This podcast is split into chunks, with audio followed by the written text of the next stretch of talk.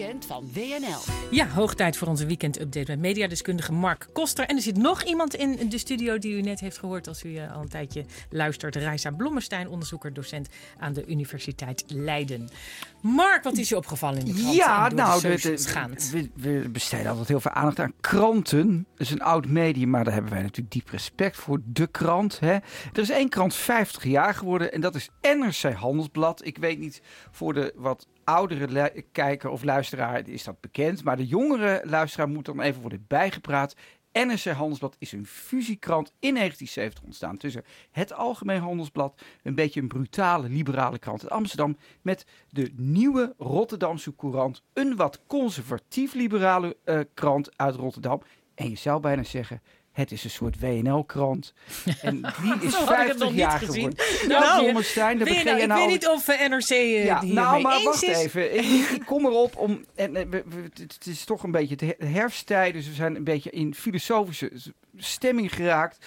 Ehm, de hoofdredacteur schrijft dan een mooi stukje daarover, over de liberale waarden. En die lees ik even voor. De liberale waarden staan onder druk. En die hoofdredacteur is René Moerland. Aardige man, goede hoofdredacteur, beter dan de vorige vind ik. De liberale waarden staan onder druk. Het onderscheid tussen mening en feit spreekt niet meer vanzelf. Vooral de feiten verliezen aan status. De meningen maken het de meningen maken het uitstekend, al gaan ze vaak gepaard met schelden en dreigen. Nou, Zo. ik kijk even naar Blommestein. Wat vind je daarvan?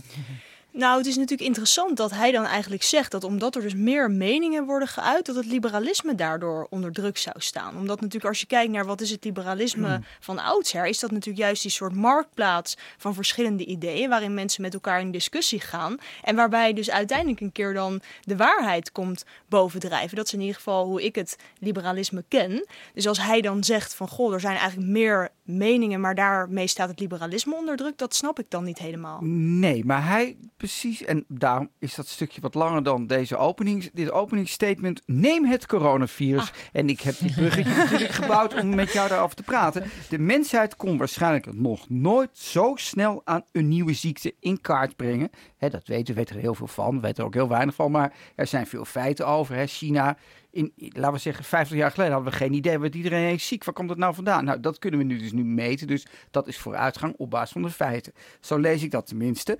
Maar er worden ook heel veel stellige dingen gezegd die dan buiten dat feitenbereik liggen. De expert herken je aan zijn vragen, maar de mensen die een mening hebben herken je aan stellige ste- aan, aan, aan, stellingen.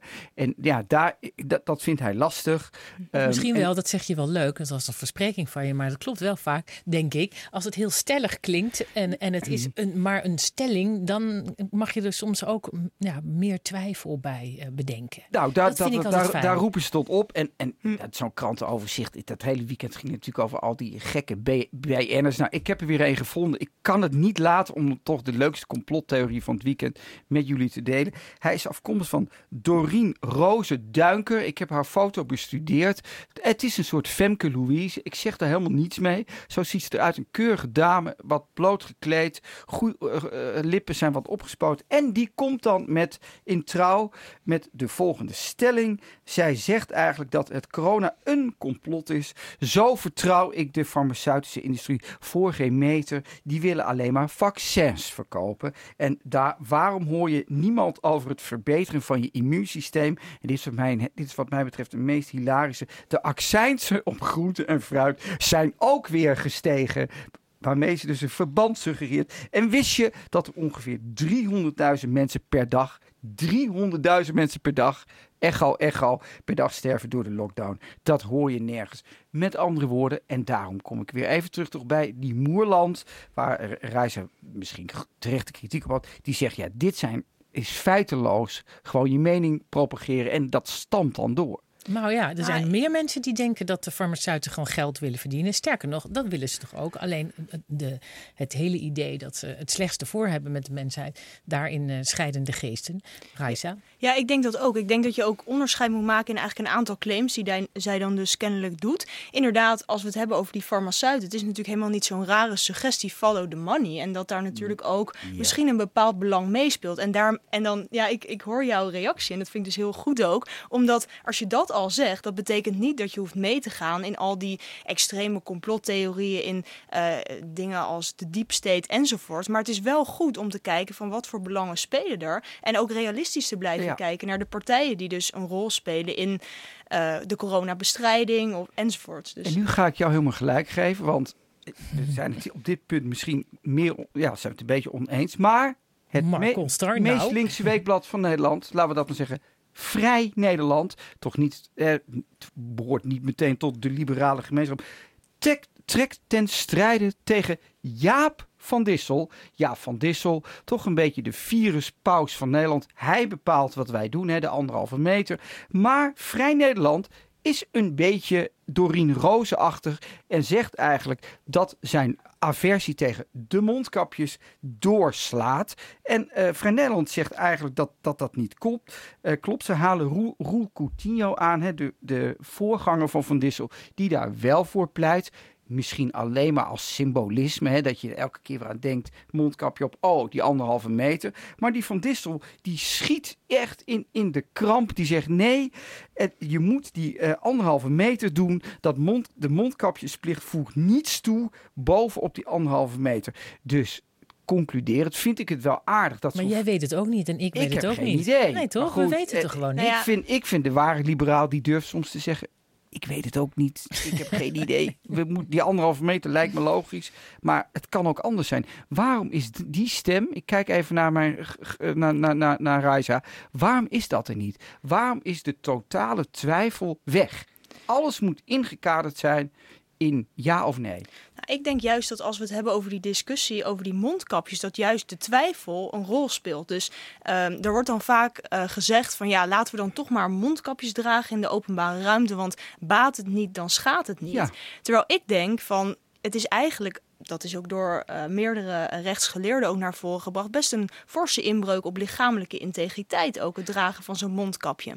En dan denk ik dat als we twijfelen of het wel echt werkt, dat zo'n redenering als baat het niet, dan schaadt het niet. Dat je dan niet moet overgaan tot, derge, tot dergelijke ingrijpende maatregelen. Ik noemde het net al eerder, je moet bij elke maatregel denk ik kijken naar de proportionaliteit. En ik denk dat uh, op basis van de redenering van de heer Van Dissel, die daar inderdaad vrij stellig over is, maar ook andersoortig onderzoek, dat zo'n ja, dat inderdaad we op zijn minst komen tot een twijfel, maar dat dat niet kan rechtvaardigen dat we overal een mondkapje gaan. Ja, maar dat rechtvaardigt niet dat mensen totale onzin gaan praten op basis daarvan. En het rechtvaardigt ook niet een ander stukje wat deze week ook in de krant dat staat niet in het overzicht, maar dat komt nou bij mij, schiet bij mij naar boven. Maar wat vind je totale onzin dan? Nou, dat begrijp ik niet. Nou ja, dat, dat je zegt dat de, de, prijs van, van groente en fruit omhoog is gegaan. Hè, omdat dat ons immuunsysteem zou uitrollen.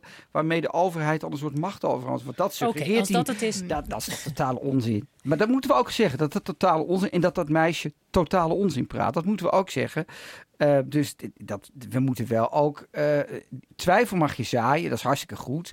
Maar als er al die twijfel blijkt dat de mensen die dan zeggen: Nou, ik ben het niet met je eens, meteen best worden. Het meeste voorbeeld is die jongen die nu in dat ziekenhuis lag. Hè, gezonde jongen, heel ziek. Die, die dan allemaal op doodsbedreiging. Ja, ja, dat is ernstig. Maar dat, dat zit ook wel in die groep van die Willem Engel. Hè. En dat meisje, die, die, die, deze Doreen, die zegt dan: Ja, Willem weet alles. Het doet me ook. En dit is een, dit is een statement wat ik hier maak. En dan zullen mensen wel heel boos over. Het is ook een beetje postmoderne Charles Manson. Die daar allemaal van die groepjes achter zich aan heeft lopen. Die allemaal vreselijke dingen zeggen. groepjes, als je gewoon in nou, de bubbel zit op social media. Nee, maar ik vind. En, en, en dan ook altijd die kritiek. Ja, ik word nu even fel. Die kritiek van. Ja, eh, de mainstream media het staat gewoon keurig in trouw. En dat meisje krijgt alle ruimte om dat te zeggen. Dus dat argument vind ik ook niet meer tellen. Dat de mainstream media geen, uh, uh, geen aandacht zou besteden aan mensen die kritiek op hebben. Maurice de Hond heeft overal gezeten. Dus ik ben, daar, ben, daar ben ik het ook niet als mee ik, eens. Als ik haar was en ik zou nu meeluisteren, zou ik denken, nou wat naar zeg. Ik word helemaal afgemaakt bij de mainstream media.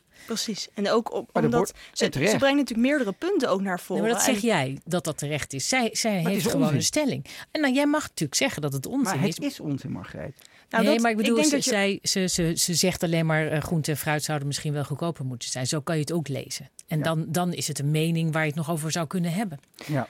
Ja, en ook meerdere punten brengen deze mensen vaak naar voren. En er wordt dan heel snel gezegd dat als er enige connecties met de heer Engel... of er worden inderdaad wat bouwde uh, arg uh, nou, argumenten of meningen worden naar voren gebracht... die inderdaad nergens op gebaseerd zijn... Ja. dat dan alles wat zo iemand zegt meteen moet worden afgeschreven. En dat vind ik vaak lastig ja. in die discussies. Dat het dan meteen, oh, het is volledige onzin enzovoorts. Terwijl er misschien wat betreft dat farmaceutische... Ik had, ik had er allemaal, allemaal leuke dingen, maar dit ja, eindigt in deze discussie heel zo, goed. We gaan volgende, week even door. volgende week weer leuk sport en uh, gezelligheid. Dankjewel, Mark Koster, Reisa Blommestein.